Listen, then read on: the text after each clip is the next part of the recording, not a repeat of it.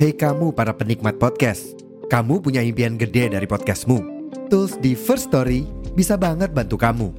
Mulai dari F-Link, Dynamic Audio Insertion, sampai statistik yang komprehensif, semua ada di First Story. Gak ketinggalan, kamu bisa monetisasi podcastmu lewat iklan dari First Story Ads yang bisa kasih kamu penghasilan dari setiap place podcastmu. Yuk gabung sekarang dengan klik di firststory.me. Sekali lagi, di firststory.me. Mari kita bawa mimpi podcastingmu menjadi kenyataan.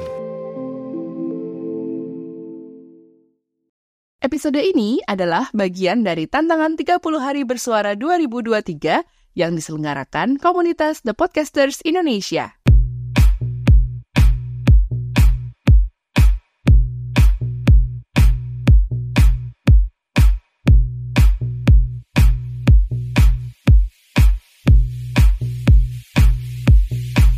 Assalamualaikum Bu Ibu. Halo apa kabarnya? Anyway ini masuk minggu kedua bulan Desember loh. Gimana gimana gimana? Agenda akhir tahun udah oke? Okay? Rencana buat tahun depan juga sudah mulai dicatat? Mantap. Semoga semuanya dimudahkan dan dilancarkan ya Jangan lupa persiapan yang matang biar gak fail di tengah jalan gitu ya. Jadi kalau mau OTW, udah tinggal gaspol aja. Ngeng. Aku yakin Bu Ibu pasti udah punya trik dan juga tips jitu nih dalam memanage waktu dan juga tenaga serta finansial. Udah gak diragukan lagi lah pokoknya. Ibu-ibu tuh pasti udah jempolan banget, jago banget. Ibu udah cocok nih dijuluki ibu berdaya. Ya nggak, Bu? Ya kan? Apa? Ibu merasa belum berdaya? Kenapa? Nggak punya duit? Aduh, duh, duh, duh, duh, duh. Kok cuma karena nggak punya duit aja bilangnya nggak berdaya toh, Bu? Berdaya itu artinya nggak sesempit itu, Bu. Emang sih, uang itu punya peran juga menjadikan kita berdaya, tapi nggak semuanya itu tentang uang loh, Bu. Sini-sini, Bu. Curhat-curhat dikit yuk bareng-bareng dalam podcast Bu Ibu bareng aku, Ibu Ino. Podcast Bu Ibu. Podcast Bu Ibu by Ibu Ino. Podcast Bu Ibu by Ibu Ino.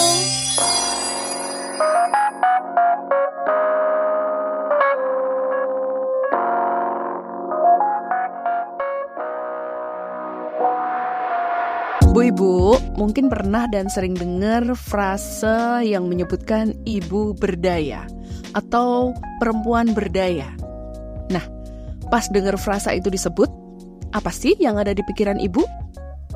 Apakah hanya soal mempunyai uang sendiri? Anyway, beberapa bu ibu yang aku tanya sih ya jawabannya itu. Katanya gini, kalau nggak punya uang tuh nggak berdaya uang itu tuh udah jadi syarat mutlak bisa berdaya. Coba kalau nggak pegang uang, kita kan nggak bisa ngapa-ngapain. Hmm, kebanyakan jawaban yang berkaitan dengan punya uang sendiri itu menyeruak ketika aku bertanya. Aku paham sih maksudnya. Maksudnya adalah mandiri secara finansial gitu kan. Alias nggak selalu bergantung pada penghasilan suami. Tapi faktanya adalah hampir setengah dari ibu-ibu di seluruh penjuru Indonesia ini adalah ibu rumah tangga dengan status full-time mom yang hanya mengandalkan penghasilan dari suami. Hal ini menurut bu ibu itu menjadi sesuatu hal yang membuat mereka itu tidak berdaya. Karena mereka itu harus benar-benar cermat dan juga jeli mengatur pos-pos keuangan demi bisa memenuhi kebutuhan hidup sehari-hari. Istilahnya, kalau ada uang lebih itu ibu bisa dapat lebih gitu loh. Tapi kalau ngepas ya udah terima aja.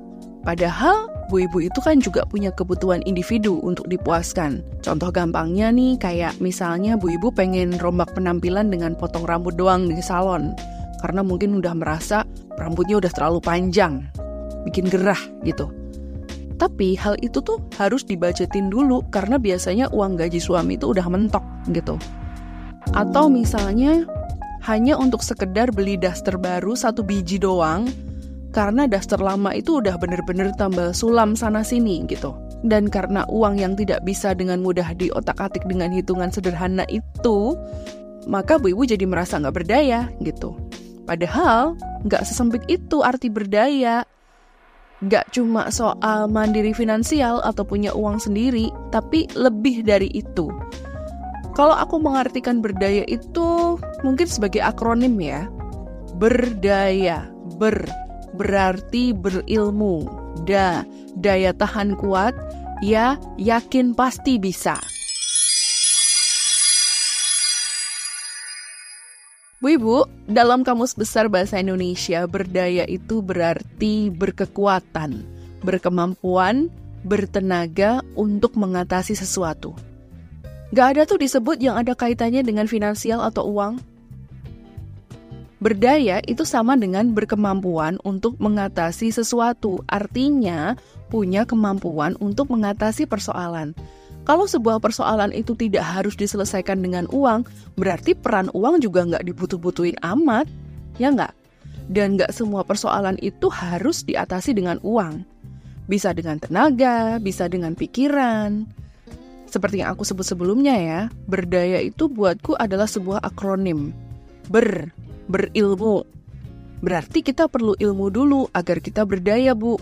Kalau kita nggak punya ilmu, atau at least akal sehat lah, common sense gitu, ya kita akan terjebak dalam persoalan itu gitu. Dan jangan berpikir sempit bahwa ilmu itu adalah pelajaran-pelajaran yang kita dapat semasa di sekolah. Enggak. Ilmu itu dari mana aja, Bu?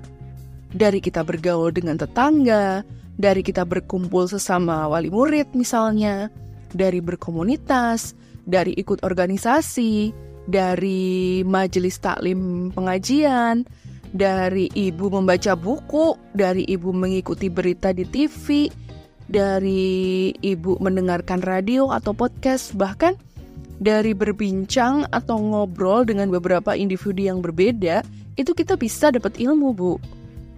Ketika kita mendengarkan pengalaman orang lain, terus melihat praktek hidup orang lain, berkumpul dengan circle tertentu, itu juga bisa akan memberi ilmu buat kita. Wawasan kita jadi lebih terbuka. Terus point of view kita tuh jadi lebih luas gitu. Pengetahuan kita bertambah. Bahkan diri kita ini mungkin akan bertambah kebijaksanaannya gitu loh. Kita akan jadi lebih wise dalam memandang hidup gitu jadi bisa lebih empati, jadi bisa lebih gampang mendengarkan orang lain misalnya, jadi membuat perilaku kita lebih baik, akhlak dan juga unggah-ungguh kita jadi lebih pas gitu. Dan ilmu yang sudah kita pelajari itu bisa kita gunakan untuk menolong kita sendiri. Ya, ini yang harus digarisbawahi. Untuk menolong kita sendiri dulu. Gak usah terburu-buru menggunakan ilmu kita buat bantuin orang lain tapi buat diri kita sendiri dulu. Berdayakan diri sendiri dengan ilmu yang kita punya. Bisa dengan dituangkan lewat tulisan, nyanyian, puisi, artikel, atau jurnal, gitu-gitu. Paling enggak ada hasil karya dari ilmu kita yang bisa ikut dibaca atau didengerin sama orang lain gitu entah nantinya akan memberi efek apa pada orang lain, ya itu terserah si pembaca atau yang mendengarkan gitu. Yang penting kita udah bikin karya dari ilmu kita. Ya, paling nggak kita sudah menghasilkan karya gitu loh. Mungkin memang butuh waktu lama sampai orang lain itu menyadari bahwa kita itu punya value untuk dihargai. Nggak apa-apa, semua itu butuh proses. Tapi bukan berdaya namanya kalau nggak punya daya tahan yang kuat dan daya juang yang dahsyat. Ya, akronim yang kedua tadi ya, berdaya. Danya itu adalah daya tahan dan daya juang yang dahsyat. Sebertubi-tubi persoalan datang, kalau kita kuat pasti itu ada jalan. Daya tahan yang kuat itu memang perlu untuk jadi ibu berdaya. Daya juang yang gak mudah menyerah itu bisa membuat ibu berdaya uang dari suami pas-pasan misalnya. Ibu pengen punya penghasilan tambahan. Apa yang Bu Ibu lakukan? Putar otak dong, cari cara biar bisa nambah penghasilannya. Sementara bukan untuk memenuhi keinginan ibu-ibu yang belum tercapai ya, tapi demi uh, menambah pemasukan tiap hari atau tiap bulan gitu. Cara paling sederhana dan menurut ibu paling cepat dapat uang adalah jualan. Di mana-mana aku tanya, kalau mau dapat uang tambahan gimana? Jualan aja. Gitu. Jualan makanan kek, jualan jajanan, jualan baju, jualan peralatan rumah tangga, dan macam-macam lainnya. Maksudnya tuh bukan jual-jualin barang yang kita punya gitu ya, barang-barang pribadi kita jual-jualin gitu. Bukan, tapi maksudnya itu berbisnis gitu ya. Berwira swasta, sengaja beli bahan lalu diolah lalu dijual. Atau misalnya beli ke pusat grosir lalu dijual eceran, misalnya seperti itu gitu. Perkara laku atau enggak itu dipikir nanti. Yang penting berjuang dulu. Nah ini nih contoh daya juang yang pantang menyerah. Daya tahan ibu pun diuji kalau misalnya buka jualan makanan, kuat gak tiap hari kira-kira jam 2 pagi, dini hari, bangun, lalu masak di dapur, sehingga warung sarapan ibu itu udah siap di jam 6 pagi.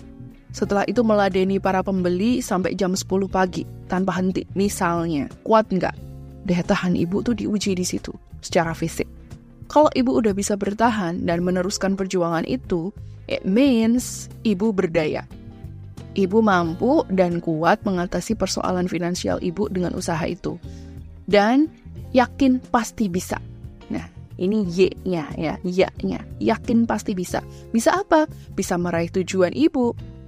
Tujuan ibu kan tadi bilang mendapatkan uang tambahan buat keluarga. Kalau usahanya ditekuni pasti bisa.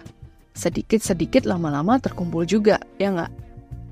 Nah, keyakinan yang tebel ini nih, aku yakin di setiap ibu itu juga pasti ada. Makanya, bu ibu itu banyak pedenya. Sepede ngasih sen kanan, beloknya kiri. Atau sepede ibu-ibu ngegerebek tempat judi dan mabuk-mabukan bapak-bapak di desanya. Beres banget sih ini.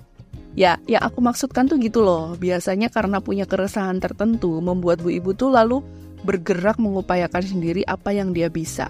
Jadi nggak melulu pakai duit. Mulut aja jadi senjata, ya nggak?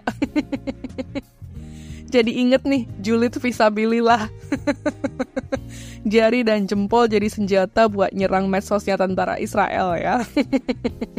Aku yakin sih sebagian tentara julid visabilillah ini juga bu ibu.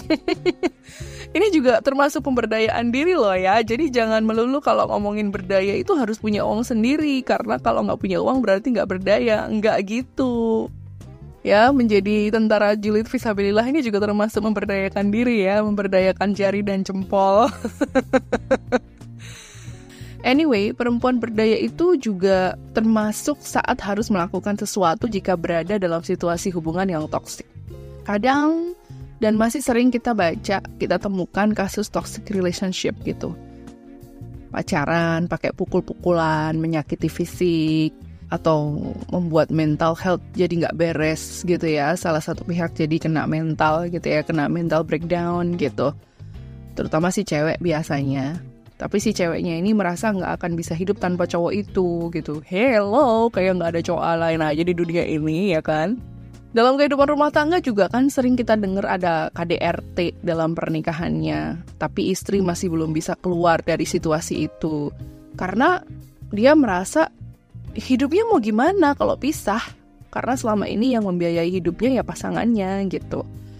Nah, uang itu jadi alasan untuk tetap berada dalam situasi yang merugikan dia gitu loh. Padahal sebenarnya banyak jalan untuk berdaya. Kalau kita memang mau membuka uh, wawasan baru, membuka uh, memberikan jalan untuk akal sehat kita untuk bisa berdaya gitu untuk keluar dari uh, toxic relationship seperti itu.